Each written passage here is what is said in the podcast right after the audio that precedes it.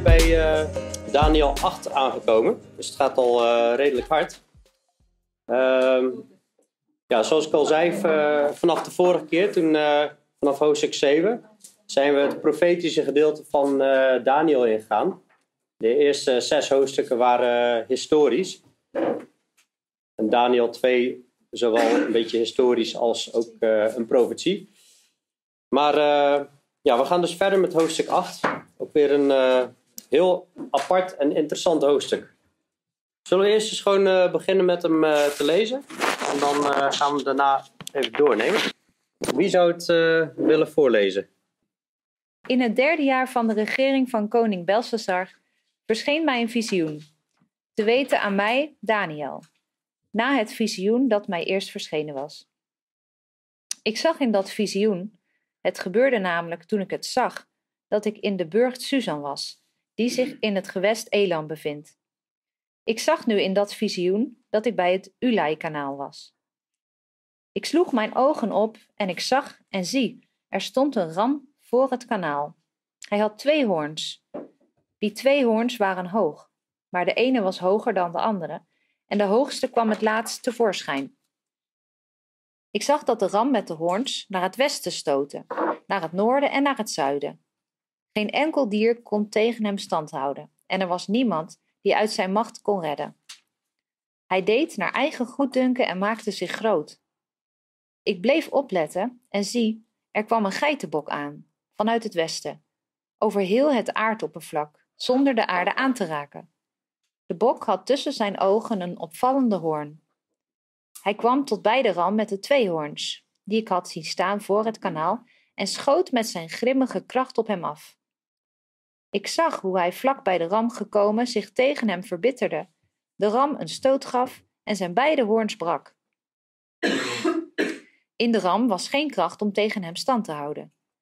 De bok wierp hem tegen de grond en vertrapte hem, en er was niemand die de ram uit zijn macht kon redden. De geitenbok maakte zich uitermate groot. Maar toen hij machtig geworden was, brak de grote hoorn af.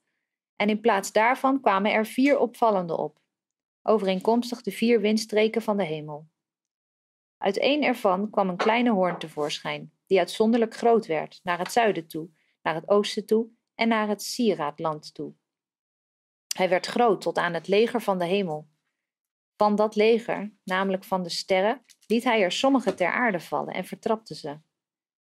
Hij maakte zich groot tot aan de vorst van dat leger. Het steeds terugkerende offer werd aan deze ontnomen en zijn heilige woning neergeworpen. En het leger werd overgegeven vanwege de afvalligheid tegen het steeds terugkerende offer, en hij wierp de waarheid ter aarde. Hij deed het en het gelukte.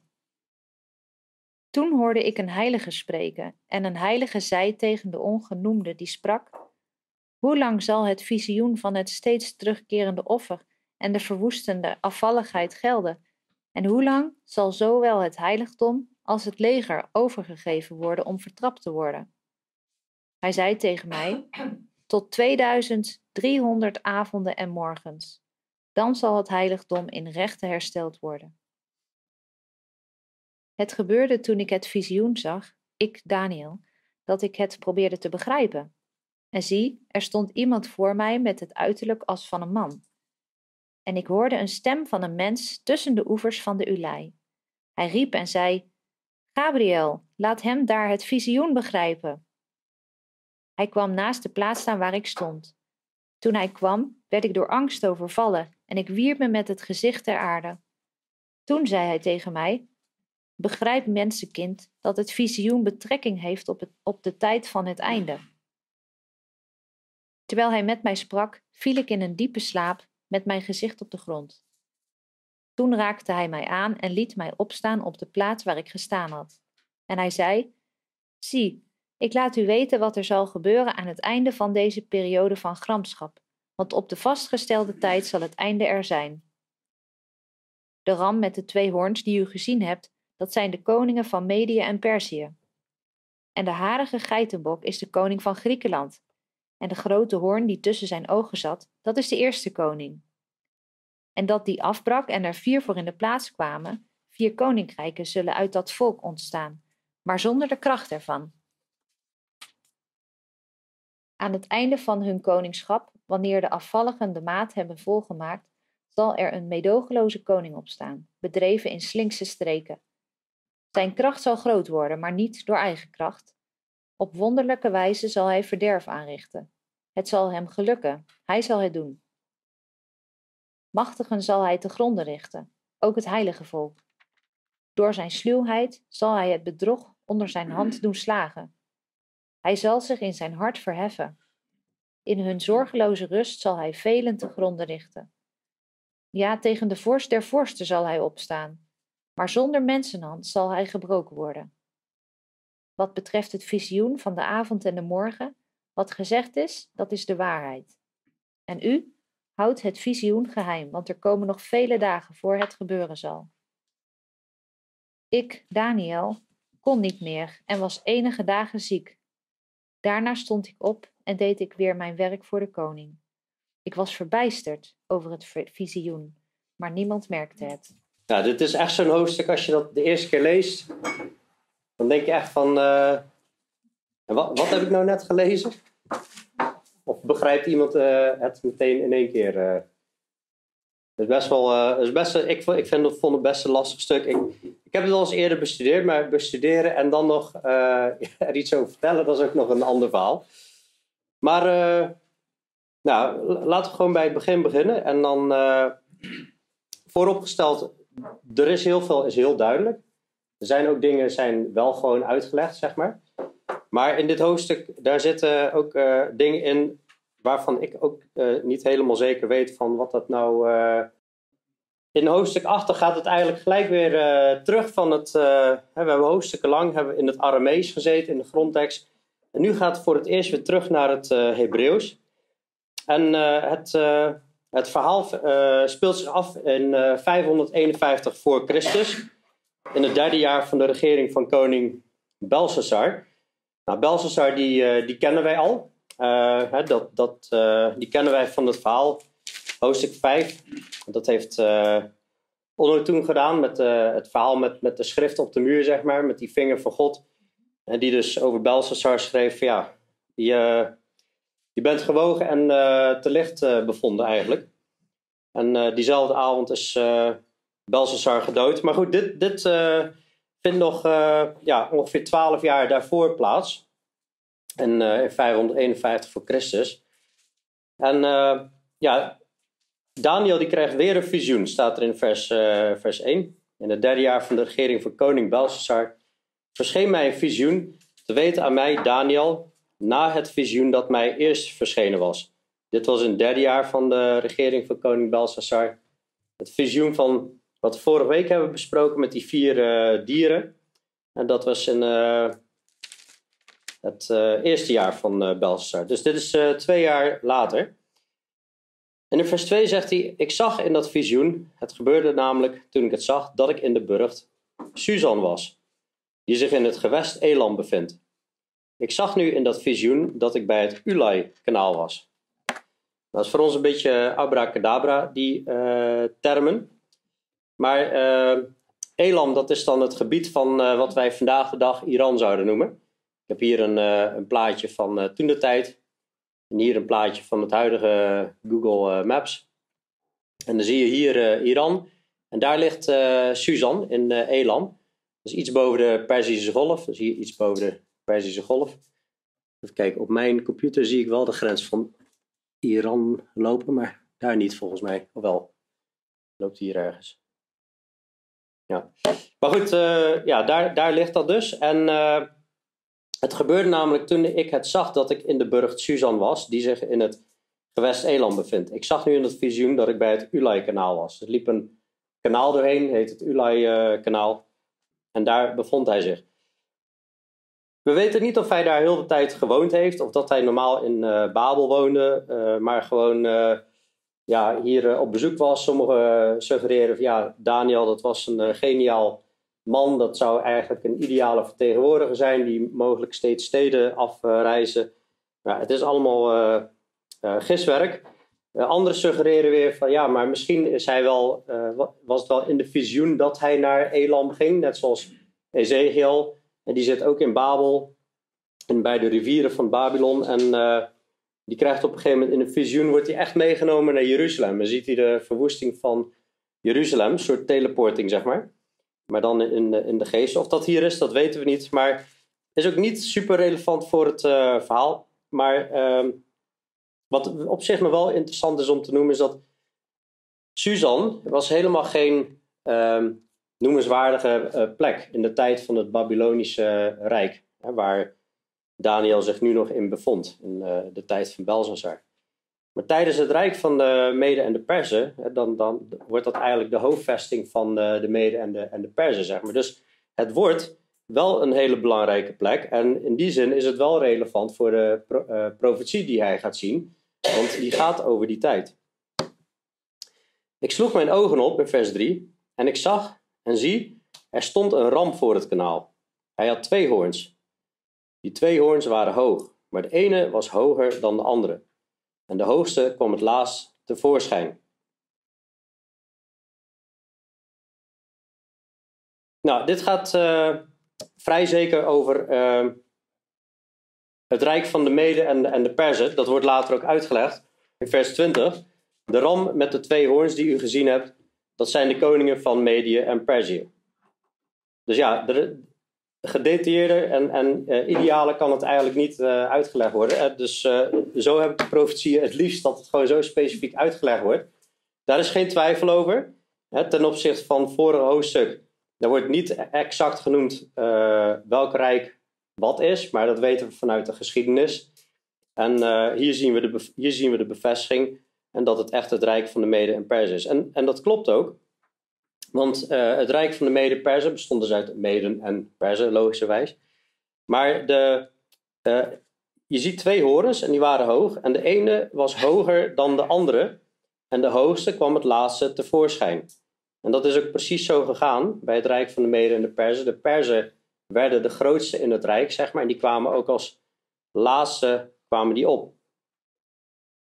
En dat gaat, uh, de eerste koning van Perzië, dat was ook die koning Kores. Koning Kores hebben wij het al eerder over uh, gehad. dat, uh, dat, was, dat was ook de koning die dus uh, de Joden eigenlijk weer, weer terug laat gaan. Dat is ook um, waar, we, waar we die de Cylinder of Cyrus van gezien hebben. Dat, dat verhaal, die cilinder die in 539 voor Christus ontdekt is, waar eigenlijk zijn plannen op staan. Wat, wat hij gaat doen en hoe hij mensen terug gaat laten gaan om de tempel te herbouwen. Het bijzondere van die Kores is, die wordt eigenlijk best wel vaak uh, genoemd in de, in de Bijbel. En uh, nou, we zitten nu rond 551 voor Christus. Maar 700 voor uh, Christus. Um, toen is er dus ook al geprofiteerd door Jezaja. Ja, Jezaja die profiteert in de periode voor en, en, na 700 voor Christus. Maar rond die tijd zegt Jezaja in Jezaja 44 uh, vers 28. En in vers 24 gaat het uh, over uw verlosser, uw formeerder, die spreekt. En die, die zegt in Jezaja 44, vers 24, uh, die over Kores zegt, hij is mijn herder en hij zal mijn welbehagen volbrengen door tegen Jeruzalem te zeggen, wordt gebouwd en tegen de tempel wordt gegrondvest. Dus zo specifiek wordt hij met naam genoemd door de Heere God al 150 jaar voordat deze profetie geprofiteerd wordt. En de, deze profetie in Daniel gaat over een profetie die 12 jaar later in vervulling zal gaan. Maar het bijzondere is dat God over hem zegt in Jesaja 45 vers 1, in het volgende hoofdstuk gaat het verder. Zo zegt de Heer tegen zijn gezalfde, tegen Kores, die ik vastgrijp bij zijn rechterhand, om de volken voor hem neer te werpen. En de lendenen van koningen zal ik ontgorden, om deuren voor hem te openen Poorten zullen niet gesloten worden. Zelf zal ik voor u uitgaan. Het oneffene zal ik rechtmaken. Bronzen deuren zal ik openbreken. En ijzeren grendels zal ik stuk breken. Ik zal u geven schatten die in het duister zijn, verborgen rijkdommen, opdat u zult weten dat ik de Heere ben, die u bij uw naam roept, de God van Israël. Terwille van Jacob, mijn dienaar, Israël, mijn uitverkorene riep ik bij uw naam. Ik gaf u een erenaam, hoewel u mij niet kende. Ik ben de Heere en niemand anders. Buiten mij is er geen God. Ik zal u omgorden, hoewel u mij niet kende. Opdat men zal weten van waar de zon op komt, tot waar hij ondergaat, dat er buiten mij niets is. Ik ben de Heer en niemand anders. Ik formeer het licht en schep de duisternis. Ik maak de vrede en schep het onheil. Ik, de Heere, doe al deze dingen. Dus we zien echt heel duidelijk dat Kores een gezalfde van God is, een werktuig van hem, zeg maar. En uh, het is God die, uh, vind ik zo mooi, er staat hier op een gegeven moment, uh, die bronzen deuren zal ik openbreken, een ijzeren grendel stuk breken. En God, God opent echt wegen voor deze koning Kores, die uiteindelijk dus gebruikt wordt om de tempel weer te laten herbouwen en om, om Jeruzalem te laten herbouwen. Even een vraag. Hè? Ja? Dat had nooit iemand van Kores gehoord toen je zei dat profiteerde. Nee, die bestond nog niet. Die bestond nog niet. Nee. Ja. Ja. En uh, uh, niet dat ik dit wilde vertellen, maar misschien toch als je even over begint. Maar uh, Flavius, die, die schijnt ook over hem iets te schrijven, hoewel dat wel veel later is. Maar um, hoe hij daar aan komt, heb ik me ook niet in verdiept. Um, maar daarin staat iets van dat, dat dit op een gegeven moment zelf ook gelezen zou hebben, dit gedeelte, en daar zo enthousiast over werd, dat het over hem gezegd was dat hij het gelijk in werking ging stellen. Okay, ja. Nou zou je kunnen zeggen, ja, maar dat is dan self-fulfilling prophecy. Maar dan nog, de kans dat jij op een positie komt, met die naam zeg maar, om zoiets te bewerkstelligen, hoe groot is die kans? Maar dan, dat, dan hadden de Joden dat in die tijd ook moeten bekijken. Uh, ja, nou ja, goed. We zullen ook, we zullen ook uh, het volgende hoofdstuk zien. Dat uh, Daniel inderdaad met zijn neus de boeken ingaat. En ontdekt dat er bepaalde dingen geprofiteerd zijn in het volgende hoofdstuk door Jeremia. Dat de Joden terug zullen gaan, zeg maar. Dus, uh, maar ik vind het echt noemenswaardig om, om te noemen. Om gelijk al te zien van hey, dat rijk van Mede, en Perzen, dat was al zoveel hiervoor al verzegd. En God bevestigt, geeft bevestiging op bevestiging eigenlijk. En dit is zijn werk. En dan zien we hier in vers 4 heel gedetailleerd. Ik zag dat de ram met de hoorns naar het westen stoten. Naar het noorden en naar het zuiden. Geen enkel dier kon hem, uh, tegen hem stand houden. En er was niemand die uit zijn macht kon redden. Hij deed naar eigen goeddunken en maakte zich groot. Um, oh, sorry, ik vergeet nog even een stuk, want ik kwam er iets achteraan. Ik ga zo verder met vers 4. En, uh, uh, vervol, over die Kores nog. Vervolgens zien we 538 voor, voor Christus. Heb je Ezra 1, vers 1. Um, dat is dus na Daniel 162 jaar later. Daar zie je de vervulling van wat Kores doet. In het eerste jaar nu van Kores, de koning van Perzië, wekte de Heere de geest van Kores op, de koning van Perzië, opdat het woord van de Heere, dat hij bij monden van Jeremia gesproken had, vervuld zou worden, om door zijn hele koninkrijk een boodschap te laten gaan, ook in geschrift. Zo zegt Kores, de koning van Perzië, alle koninkrijken van de aarde heeft de Heere, de God van de hemel, aan mij gegeven. En hij is het die mij heeft opgedragen om een huis voor hem te bouwen in Jeruzalem, dat in Juda ligt. Wie er onder u ook maar tot al zijn volk behoort, zijn God zij met hem, laat hij optrekken naar Jeruzalem, dat in Juda ligt. En laat hij het huis van de Heer, de God van Israël, bouwen. Hij is de God die in Jeruzalem woont. En ieder die achtergebleven is uit alle plaatsen waar hij als vreemdeling verblijft, laten zijn plaatsgenoten hem helpen met zilver, met goud, met allerlei bezittingen en met vee, naast de vrijwillige gaven voor het huis van God die in Jeruzalem woont. En dus dan zie je in 700 voor Christus de voorspelling en in 538 voor Christus de uitvoering. En hier tussenin zit Daniel dus, die ook hier over deze koning uh, vertelt en over dit, dit rijk. Dus we zien die, de, die ram met de horens in vers 4 uh, naar het westen stoten, naar het noorden en naar het zuiden. Um, voor wie zich nog herinnert, in uh, de profetie van vorige week had je eerst die leeuw, dat was het Babylonische Rijk met die vleugels. En daarna kreeg je die, die beer met die drie ribben in zijn mond, zeg maar. En dat was ook uh, in. in, in, in en daar hebben we, hebben we gezien, dat was Lydië, ten noorden van de Middellandse Zee, Babylon, um, het, het, noordelijke deel en Egypte in het, in het zuidelijke deel. Hier zie je ook, hè, ik zag de ram met de hoorns naar het westen stoten, naar het noorden en naar het zuiden. Geen enkel dier kon hem, uh, tegen hem stand houden. En er was niemand die uit zijn macht kon redden. Hij deed naar eigen goeddunken en maakte zich groot. Dus in de vorige profetie zagen we, oh, hij gaat drie gebieden veroveren. Daar leken die drie ribben op. En nu gaat, wordt er heel specifiek genoemd hoe die dat gaat doen, zeg maar. En zo is het ook gedaan. Zo, zo is, heeft uh, het Mede-Persische Rijk ook het Babylonische Rijk overwonnen.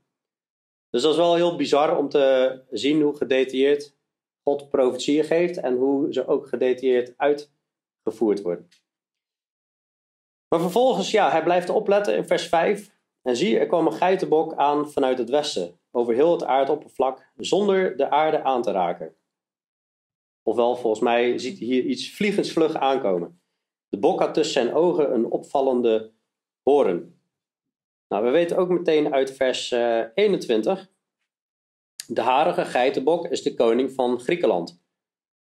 Nou, dat is vrij helder. Dus na het rijk van de Mede en Perzen weten wij nu, we terugkijken in de geschiedenis, is het rijk van de Grieken opgekomen.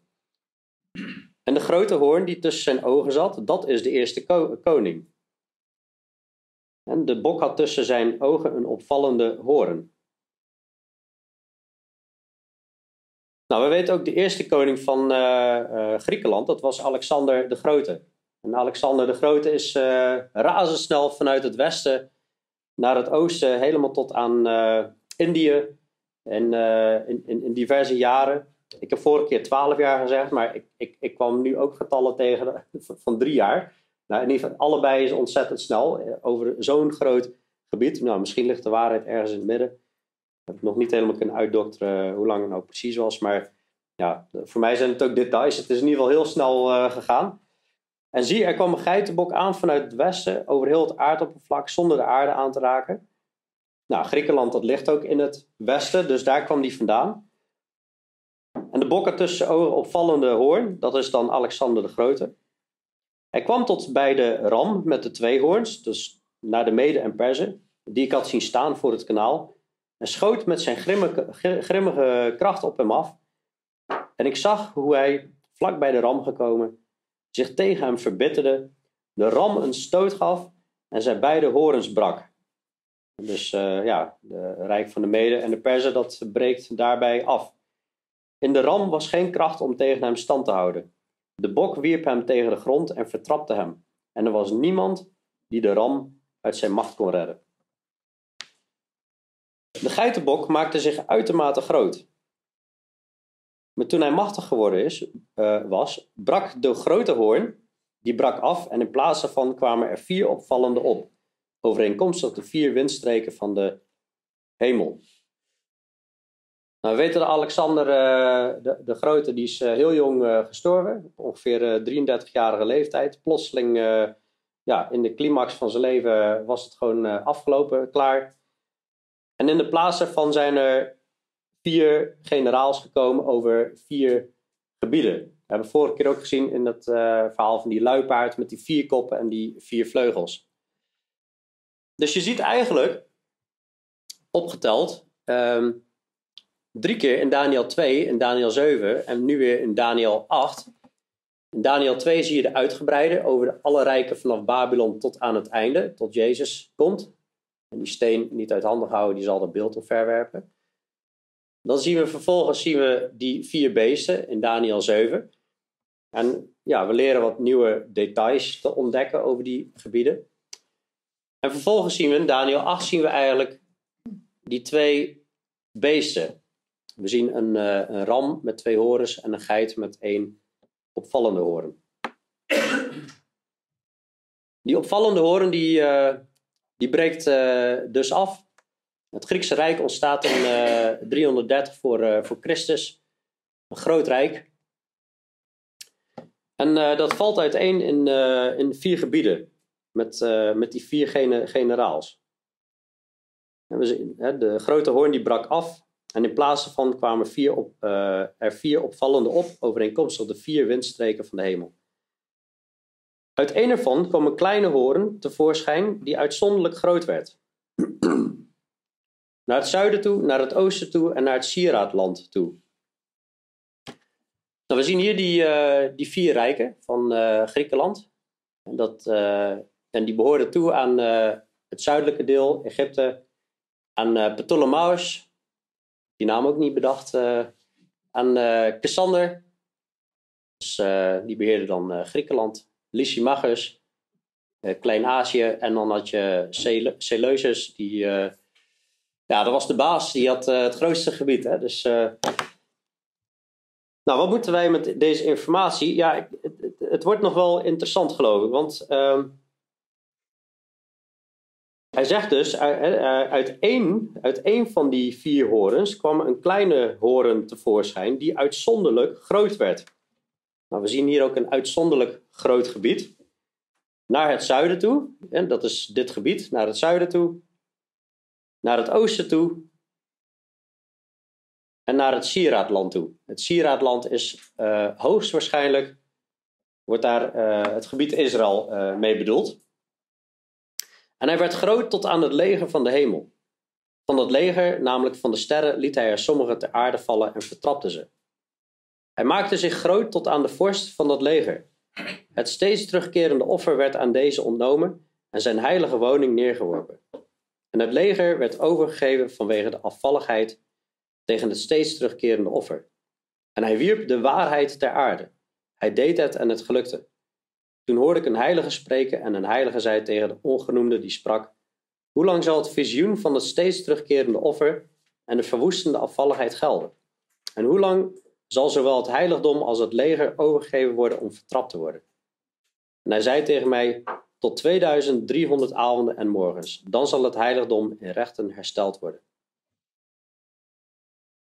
Nou, we weten van een, uh, de, de achtste koning van de, de, de dynastie van de Seleuciden, hele mond vol, maar van, van dit gebied. Dat was Antiochus IV Epiphanes. Dat is een naam om, om best wel even te onthouden. Antiochus IV Epiphanes. Want er is ook een, een, een Joods feest is gekoppeld aan, aan deze, deze happening. Wat, wat interessant is om te weten is dat uh, het Oude Testament eigenlijk tot ongeveer 400 voor Christus gaat. En daarna is eigenlijk profetische radiostilte. Er zijn geen profeten meer die in die tijd profeteren. Dus je, je zou bijna kunnen zeggen, ja, er valt ineens over duizend, duizenden jaren ineens een, een gat tussen de laatste profeet en 400 of, en, en, uh, en tot, tot Christus, van 400 jaar. Althans, dat, dat zou je mogelijk zo kunnen denken. Alleen het grappige is, Daniel, die, die doet dus de voorspellingen over die tijd, zowel in hoofdstuk 8 als in hoofdstuk 11. In hoofdstuk 11 gaat, gaat dat nog gedetailleerder. En dit heeft te maken, wat er nu gaat gebeuren, dit heeft te maken met het, het volk van God. We hebben gezien, Kores, die heeft de tempel weer laten herbouwen. Op een gegeven moment, hè? Een, uh, een, tijdje vooruit voor, voor Daniel. Maar in de tijd van Antiochus Epiphanes um, Antiochus Epiphanes die kwam 175 tot 163 voor Christus kwam die, uh, aan de macht. En uh, was een hele bescheiden man, die noemde zich de openbaring van God. dus die had al een, bepaalde attitude. Die uh, liet zichzelf op, op een, op een muntstuk afdrukken, waarbij hij zich eigenlijk als God voordeed. En ik heb me laten vertellen dat Epiphanes ook manifestatie betekent. En die naam gaf hij zichzelf omdat hij meende een manifestatie van God te zijn. Nou, er staat hier in vers 10: Hij werd groot tot aan het leger van de hemel. Van dat leger, namelijk van de sterren, liet hij er sommige ter aarde vallen en vertrapte ze. Ja, wordt, wat wordt daar nou precies mee bedoeld? Uh, er zijn sommige gedeeltes waar het gaat over sterren, dan gaat het over engelen. En soms kan het ook gaan over de, de, de heiligen. Hij liet sommigen te aarde vallen en vertrapte ze. We weten in ieder geval dat, dat deze man ook echt gewoon uh, Joden vermoord heeft. Duizenden Joden heeft hij vermoord. Dat was echt een uh, hele brute man. Hij begon al met zijn neef van de troon te stoten. En dus uh, ja, die, die, die ging voor niks en niemand ging die aan de kant. In 168 voor Christus heeft hij Onias III, de hoge priester, heeft hij vermoord. En die is vervangen door Griekse priesters, dat, wat natuurlijk not done is. Hè? Dat, en dat gaat over uh, priesters uh, vervangen in de, in de tempel in Jeruzalem, zeg maar. Nou, deze, deze man, uh, dit zou mogelijk te maken kunnen hebben met vers 11. Antiochus Epiphanes, die maakte zich groot tot aan de vorst van dat leger. zou te maken kunnen hebben met eh, dat, dat die priester vermoord wordt, dat, dat weten we niet precies. Maar wat hij daarna allemaal gedaan heeft, dat lijkt sterk op wat wij uh, hier zien in dit gedeelte. Wat deze man wilde, dat hij wilde in zijn rijk wilde hij uh, eenheid in, in cultuur en in religie. Wat hij gedaan heeft, is de Joden moesten ook hun, wet en hun cultuur moesten ze laten vallen. Ze mochten geen besnijdenis meer toepassen, geen offers, geen sabbat en geen voedselwetten. Nou als je dat uh, aan Joden uh, vraagt, die gewoon oprecht God willen dienen, dat is hetzelfde als dat je ja, bij ons gewoon al onze diensten weghaalt en uh, we mogen niet meer bidden, we mogen niks meer in de naam van God doen, zeg maar. En ja, als ze dat wel deden, dan werden ze gewoon gedood. en de tempeloffers die kwamen in handen van Antiochus. Dus hij ging, hij ging de offers brengen. En wat heeft hij op een gegeven moment gedaan? Hij heeft het meest onreine dier wat je kan offeren. Dat is een varken. Dat heeft hij geofferd op het altaar in de, in de tempel. En vervolgens heeft hij een beeld van Zeus in het heilige der heiligen uh, neergezet. En dus het is iemand die, die gewoon uh, totaal gewoon echt erop gericht is om, om God te ontheiligen en te onteren. Hij verbrandde ook de teksten van de heilige schrift. Nou goed, als we dan dat stuk lezen. het steeds terugkerende offer werd aan deze ontnomen en zijn heilige woning neergeworpen. En het leger werd overgegeven vanwege de afvalligheid uh, tegen het steeds terugkerende offer. Hij wierp de waarheid ter aarde. Nou, hij heeft uh, in ieder geval de heilige schrift heeft hij ook uh, verbrand. Hij heeft iets met die offers gedaan. Hij deed het en het gelukte. Toen hoorde ik een heilige spreken en een heilige zei tegen de ongenoemde die sprak, we weten niet precies wie dat is, maar waarschijnlijk ja, God. Hoe lang zal het visioen van het steeds terugkerende offer en de verwoestende afvalligheid gelden? En hoe lang zal zowel het heiligdom als het leger overgegeven worden om vertrapt te worden? En het antwoord hierop is tot 2300 avonden en morgens. En dan zal het heiligdom in rechten hersteld worden. Nou, 2300 avonden en morgens, als je dat zou zien als een dag, dan zou je op ongeveer zes jaar uitkomen. Maar als je deelt 2, dus avonden en morgen, dan kom je rond uh, drie jaar uit. Drie jaar en een heel klein beetje. Het interessante is dat op een gegeven moment de, de Joden waren het echt helemaal zat wat die. Uh, is het koud? Moeten we ramen dicht doen of niet? Oké. De Joden, de Joden waren die, uh, die Antiochus op een gegeven moment helemaal uh, zat. En uh, ja, dat ze dus die offers niet meer konden brengen. En toen stond de vader van, van Judas, de Maccabeer, die stond al op. En Judas heeft dat verhaal overgenomen. Um, die kwam in opstand en die kreeg veel aanhangers onder de Joden. En die wordt ook wel Judas de Hamer, wordt die genoemd, zeg maar. En hij kreeg dus veel aanhang en hoe ze het voor elkaar gekregen hebben is, een wonder. Maar ze zijn tegen de Seleuciden opgestaan. Tegen de Grieken zijn ze opgestaan. En ze hebben Jeruzalem heroverd. En de tempel hebben ze heroverd in, uh, in 165. En dat heet ook de opstand uh, van de Maccabeeën, zeg maar. En, en vlak daarna sterft Antiochus. Nou, het, het toeval wil het toeval wil, is dat deze periode vanaf Ananias uh, 3, die hoge vanaf het moment dat hij vermoord werd, dat was in december 168, uh, tot aan het herstel van de uh, tempel, of de hernieuwing van de tempel, was exact 2300 dagen. Nou, dat zien we in vers 14, hè, dat het 2300 eh, avonden en, en, eh, en morgens zou duren, zeg maar dus dat is wel dat is heel bijzonder. Of sorry, het was in die, die, die, die drie jaar. Ja. Dus dat maakt het zeer aannemelijk dat dit verhaal over Antiochus Epiphanes gaat. hoewel ik misschien niet elk detail kan uitleggen. Um, maar het gaat in ieder geval over de offers. Het gaat over de waarheid die ter aarde geworpen wordt. En we zien hier die 2300 avonden en morgens. En dat komt overeen met deze periode. Wie weet welk feest de Joden hier aan gekoppeld hebben? Iemand die dat weet? Er is een, een Joods feest dat vieren ze tot op vandaag de dag nog steeds. Zei je? Ik hoorde meerdere an- Hanukkah. Hanukkah, ja. Dus een, eh, er is een Joods feest ingevoerd vanaf dit moment. En het Joodse feest heet het feest van de inwijding of het feest van de lichten. En eh, het heet ook wel het Hanukkah. Dat vieren de Joden elk, elk december. Ehm, ja, eh, eh, rond de kerst. Sommigen eh, vieren het ook wel in combinatie met Sinterklaas. Dan heet het Hanukkah, eh, noemen ze het toch. ja, dat vond ik echt. Dat vond ik, ja, het stond op Wikipedia. Ik weet niet hoe waar dat is, maar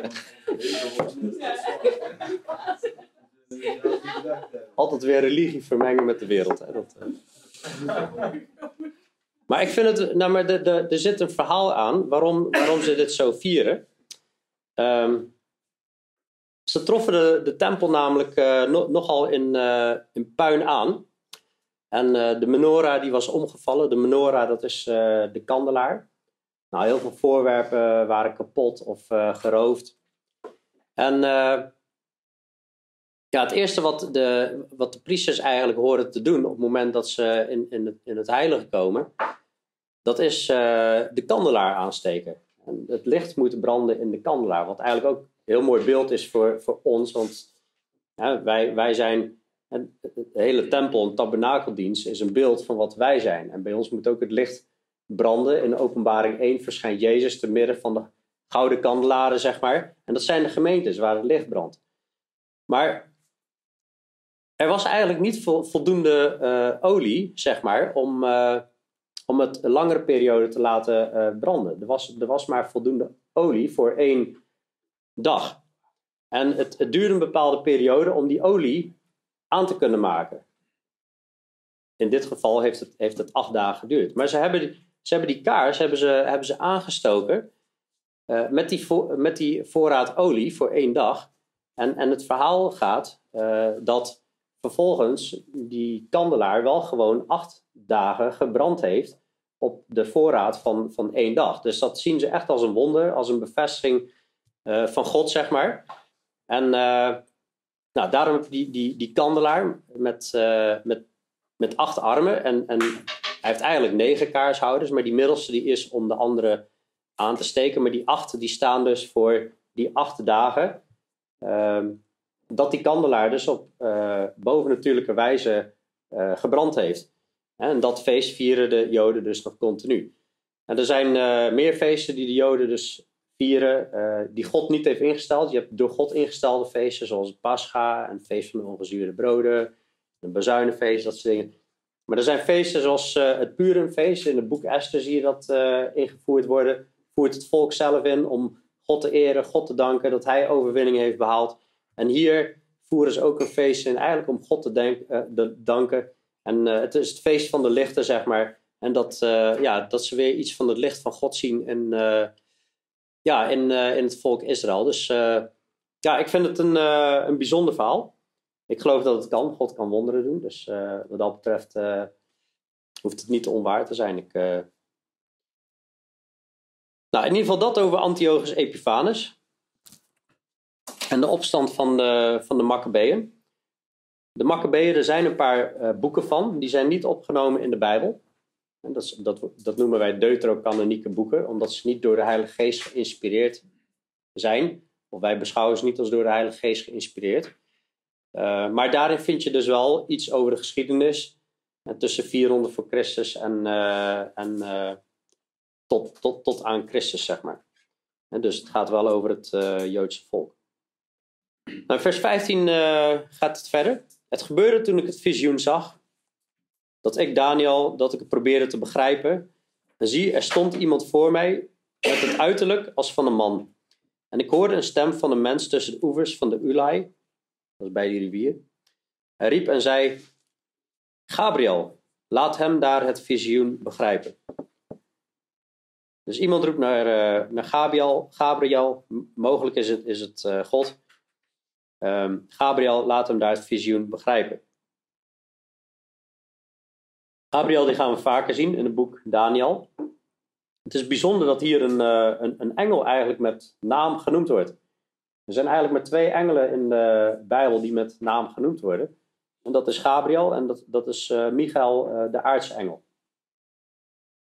In theorie is er nog een derde, dat is, dat is Satan, ook wel Lucifer genoemd in bepaalde vertalingen, of morgenster, maar hij is een gevallen gerub. In Ezekiel 28 wordt hij, over hem geschreven uh, dat hij een gevallen gerub is. Gabriel betekent de man van God. Elke keer als Gabriel een boodschap brengt in de Bijbel, dan is het een boodschap gericht aan, aan Israël met een, uh, een, belangrijke mededeling. Hij verschijnt ook aan Maria. Als hij Maria komt vertellen, je wordt zwanger. En je moet het kind moet je Jezus noemen. En je zal uh, door de Heilige Geest zwanger worden, zeg maar. En Gabriel verschijnt aan Zacharias, Zacharias de vader van Johannes de Doper, om ook hem mede te delen van jullie gaan een kind krijgen en je moet hem Johannes noemen. Hij is de wegbereider van de Heer. Hij is de engel die voor de Heer uit zal gaan, hè, waarover geprofiteerd werd. Dus het is een bijzonder, uh, man, Gabriel. Hij gaat straks ook een, een heel bijzonder visioen uitleggen, verderop in het boek. Over een tijd die er gesteld is voor het volk Israël. En dat God ze zal verzoenen. Een periode van 70 jaar weken. Maar daar gaan we dan uh, in hoofdstuk 9 op in. En wat ook bijzonder is om te zien, elke keer als Gods volk moet leiden, en dan lijkt, lijkt dat een, een begrensde periode te zijn. We zagen hier 2300 avonden en morgens, en dat was begrensd. In het volgende hoofdstuk zien we ook weer dat dat begrensd gaat worden. Uh, de grote verdrukking voor het volk Israël. Maar Gabriel die geeft daar in ieder geval uh, visioenen over en inzichten. Vers 17, hij kwam naast de plaats staan waar ik stond. En toen hij kwam, werd ik door angst overvallen. En ik wierp me met het gezicht ter aarde. Toen zei hij tegen mij: Begrijp, mensenkind, dat het visioen betrekking heeft op de tijd van het einde.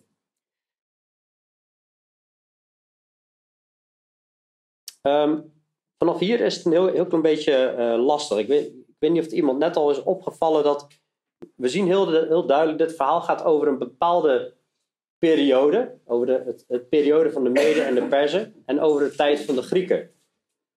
Maar vervolgens heeft hij het nu ook over het einde van de tijden. Maar het einde van de tijden is nog niet bereikt in de tijd van de Grieken. We weten dat die Antiochus 4 Epiphanes, dat, dat was een, een beest. Dat was eigenlijk een, een soort antichrist uh, lookalike, zeg maar. En die God ontheiligt in de tempel. Dat gaat straks, de antichrist gaat dat ook doen. Als je dit laatste stukje leest, dan, dan lijkt het ook heel erg sterk over de antichrist te gaan. Nou, het zou puur alleen over Antiochus Epiphanes kunnen gaan. Alleen, het lijkt ook over de, uh, de antichrist te gaan. In vers 25 op het eind zie je, ja, tegen de vorst der vorsten zal hij opstaan, maar zonder mensenhand zal hij gebroken worden. Dat lijkt heel sterk te gaan over de antichrist. De vorst der vorsten. Jezus is Heere der heren en koning der koningen. Vorst der vorsten. Die antichrist gaat ook uh, door God zelf, niet door mensenhanden, gebroken worden, zeg maar. Maar hoe, hoe leggen we dit dan uit? Is het nou Antiochus Epiphanes? Is het nou de antichrist? Is het nou beide? Um, het zou kunnen zijn Soms zie je in de Bijbel uh, bepaalde profetieën. En uh, nou, stel je hebt een kleine berg hier en een uh, grote berg hier. En stel, ik sta hier. ik heb het niet getekend, dus je mag erom lachen. ik vond het een leuk plaatje. Maar stel, ik kijk naar de puntjes van die bergen. En ik zie hier een, een happening. En tegelijkertijd uh, kijk ik ook daarnaar. Maar ik heb niet in de gaten dat daar nog heel veel ruimte en tijd uh, tussen zit. Dit is, dit is wat je vaker ziet in de Bijbel. Jezaja 41 is daar het beste voorbeeld van. Je, je, Jezaja 61 bedoel ik, vers 1 tot 4 is daar het beste voorbeeld van. Dat is een, een, een schriftgedeelte wat Jezus zelf aanhaalt in Lucas 4. Dan opent hij de schrift en dan gaat het over dat hij de blijde boodschap komt verkondigen uh, dat gaat over uh, dat hij komt genezen, eh, de gebrokenen van hart en mensen gaat vrijlaten uit de gevangenis. En dan zegt hij, nou, die schrift is vandaag in vervulling gegaan. Terwijl in Jezaja 61 zie je eh, de dag van de wraak van de Heer. En Jezus stopt midden in die zin en zegt: Oh, deze schrift is vandaag in vervulling gaan, maar de dag van de wraak van de Heer. Die, die zin maakt hij niet af. Maar dat komt later, zeg maar. En dus terwijl je eigenlijk naar die tekst kijkt, dan zie je eigenlijk dat hele gedeelte. Maar het gaat toch over een stukje hier en het gaat toch over een stukje daar. Tegelijkertijd heb je ook in uh, Ezekiel 28, dan spreekt Ezekiel spreekt de koning van Tyrus aan. En terwijl hij de koning van Tyrus aanspreekt, spreekt hij ook meteen de Satan aan die daarachter zit. Want het, hij, hij heeft het over u was in, in Ede. En hoe die gevallen was als een gerub en mooi bekleed met allemaal stenen. En hoe die uh, allemaal muziekinstrumenten had. Um, en, en, en, zo zou het kunnen zijn, zou mogelijk een uitleg kunnen zijn dat hier direct Antiochus Epiphanes bedoeld wordt, maar dat eigenlijk ook die antichrist, die, daar, die geest van die antichrist die daarachter zit, ook al meteen uh, gezien wordt. En dat zie je eigenlijk ook in die, in die, in die beelden. In, uh, in het beeld van Daniel 2, hè, daar heb je eigenlijk de, de, hele geest van de antichrist, die zit eigenlijk achter dat beeld. Op het eind wordt dat beeld geslagen wanneer de antichrist heerst, zeg maar. We zien ook in de, in de profetie van die vier dieren, in Daniel 7, er staat er heel, iets heel opmerkelijks in, in Daniel 7, vers 12. Ook de rest van de dieren ontnam men hun heerschappij, wanneer dat laatste dier valt, zeg maar. Alsof iets van die geest van die, van die rijken altijd is uh, uh, doorgegaan. Dus je krijgt een beetje de indruk dat Daniel steeds, hij ziet dat beeld, maar op het eind ziet hij die antichrist. Dan ziet hij het eindrijk, zeg maar, het rijk van de antichrist. Hij ziet die vier dieren in Daniel 7, maar op het eind ziet hij dat grote gruwelijke beest. Alsof hij hier ook naar die, die geit en die ram kijkt en, en uh, hij ziet die Antiochus Epiphanes, maar mogelijk op het eind ook al dus die antichrist. Dus met, met dat in gedachten um, is het mogelijk beter te, te begrijpen. Um, ik vind het prima als iemand het ziet als alleen maar Antiochus Epiphanes. Ik vind het ook prima als iemand het ziet als uh, alleen maar de, de antichrist. Um, hoe dan ook, beide zijn uh, waar en het kan ook een combinatie van zijn. Nou, vers 18 zegt, terwijl het, het gaat hier ook over het einde, op, uh, het heeft betrekking op het einde van de tijden. Vers 18, terwijl hij met mij sprak, viel ik in een diepe slaap, met mijn gezicht op de grond. Toen raakte hij mij aan en liet mij opstaan op de plaats waar ik gestaan had. En hij zei: Zie, ik laat u weten wat er zal gebeuren aan het eind van deze periode van gramschap. Kan mogelijk ook te maken hebben met weer ongehoorzaamheid van, uh, van, van Israël. Um, ja, we zien Israël continu in ongehoorzaamheid wandelen, ook als straks weer, uh, dus weer in Jeruzalem zijn. Moet God weer in, uh, meteen wat profeten sturen, zeg maar. Want op de vastgestelde uh, gestelde tijd zal het einde er zijn. De ram met de twee hoorns die u gezien hebt, dat zijn de koningen van Medië en Perzië, dat was al duidelijk. En de harige geitenbok is de koning van Griekenland. En de grote hoorn die tussen zijn ogen zat, dat is de eerste koning, Alexander de Grote. En dat die afbrak en er vier voor in de plaats kwamen. Vier koninkrijken zullen uit dat volk ontstaan. Dat hebben we behandeld, die vier rijken. Uh, met, met die vier generaals van uh, na Alexander de Grote, maar zonder de kracht ervan. Aan het eind van, en, en daaruit kwam dus die Antiochus Epiphanes uit die Seleucidon. In vers 23, aan het einde van hun koningschap, wanneer de afvalligen de maat hebben volgemaakt, zal er een meedogenloze koning opstaan, bedreven in slinkse streken. Zijn kracht zal groot worden, maar niet door eigen kracht. Op wonderlijke wijze zal hij verderf aanrichten. Het zal hem gelukken. Het zou dus te maken kunnen hebben met Antiochus Epiphanes. Het zou dus ook al kunnen wijzen naar uh, de, de antichrist. Um, en niet door eigen kracht, maar uh, die zal echt demonische machten uh, kunnen doen. Grote wonderen tekenen hebben we vorige keer gezien in 2 Thessalonians 2.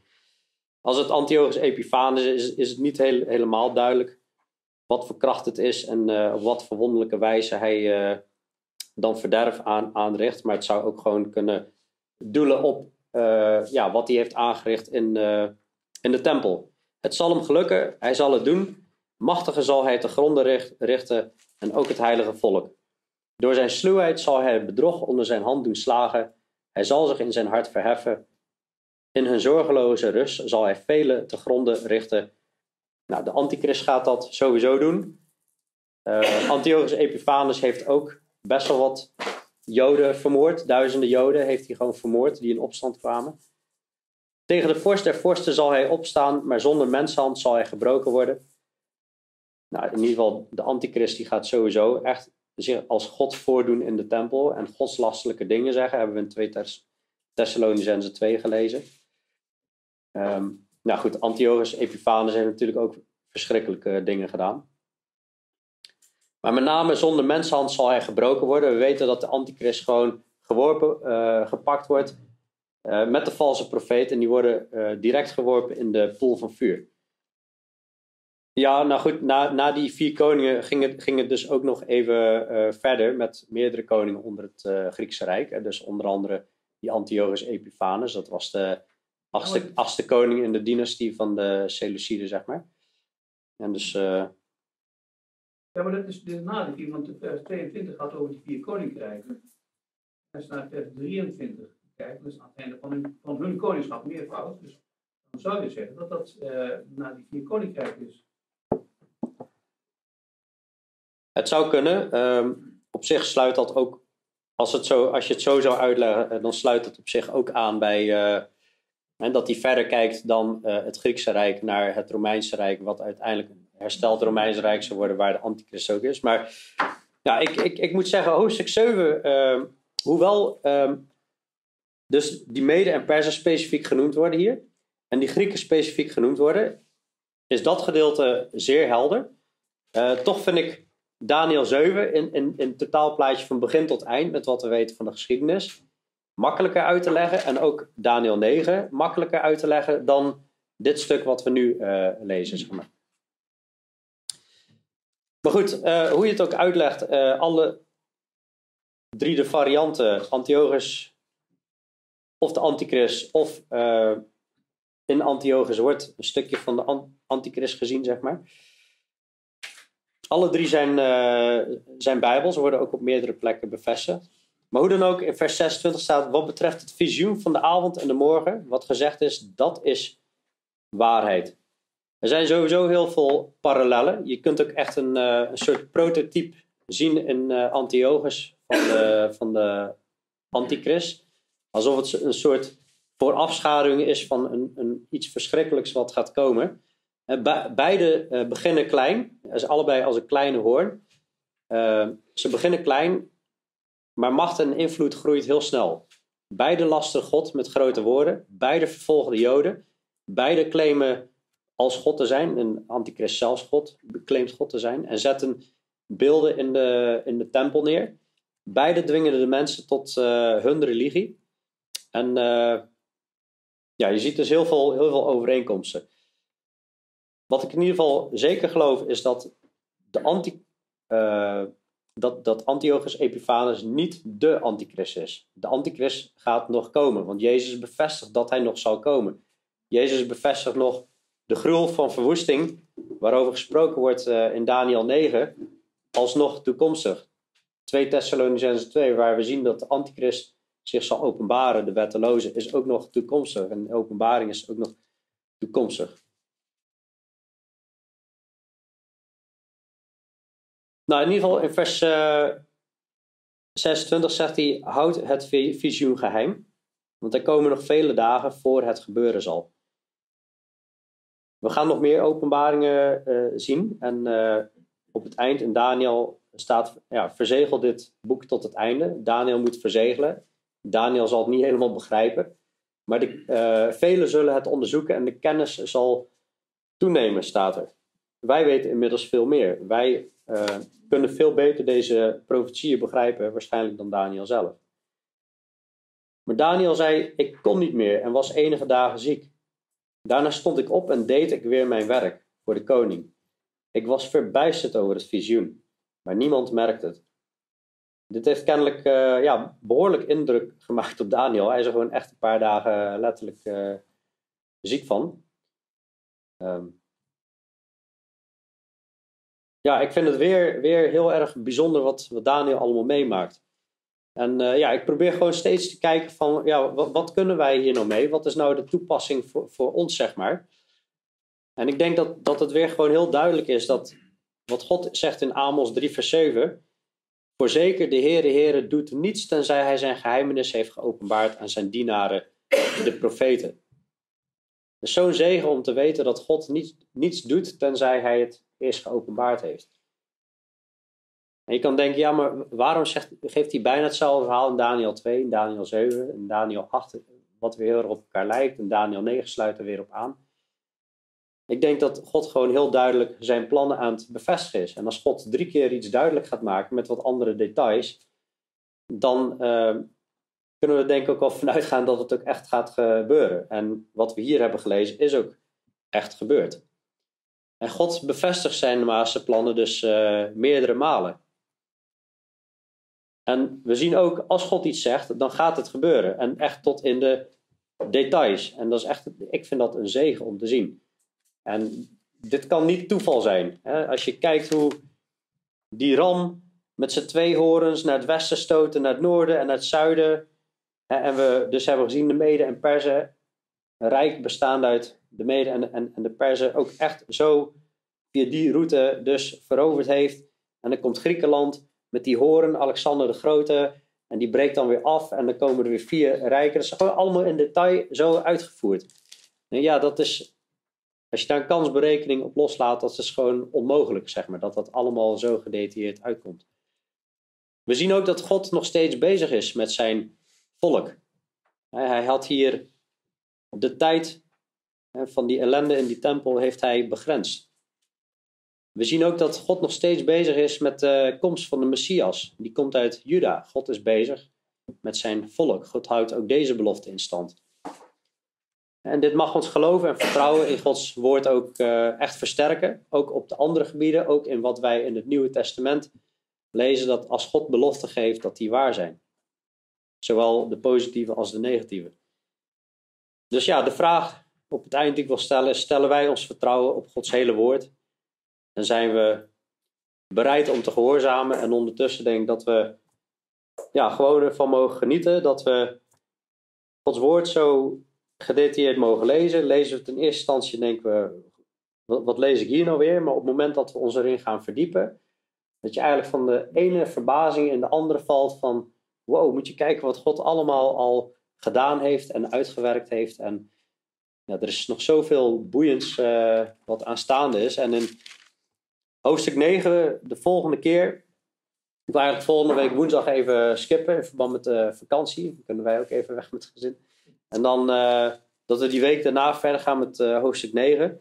En dat is voor mij persoonlijk een van mijn echt favoriete profetieën. Omdat het is gewoon echt mind-blowing wat God hier geeft aan profetie. Hoe hij een profetie geeft die op een bepaalde datum ingaat. Wanneer op een bepaalde datum dingen in vervulling gaan en ook exact zo in vervulling gaan komen. Tot op nauwkeurig de intocht in Jeruzalem, waarna de Messias is afgesneden dat wordt in hoofdstuk 9 gewoon exact voorzegd wanneer dat zal zijn. Alleen je moet je er even in verdiepen om dat te ontdekken. Een schitterende profetie. En dan blijft er nog één jaarweek staan. één periode van zeven jaar. En die zien we weer terug in de boek Openbaring. Dus dat is echt uh, heel boeiend. En dat heeft ook weer betrekking op ons en onze tijd, zeg maar. Dus dat, uh, daar kijk ik enorm naar, uh, naar uit om die samen door te nemen. Dus ja, ik hoop dat jullie ook weer onder de indruk zijn gekomen van Gods woord en wat God allemaal voor zegt en doet. Nou weet je ook waar het Hanukkah-feest vandaan komt. opstand van de Maccabeeën tegen Antiochus 4 Epiphanes.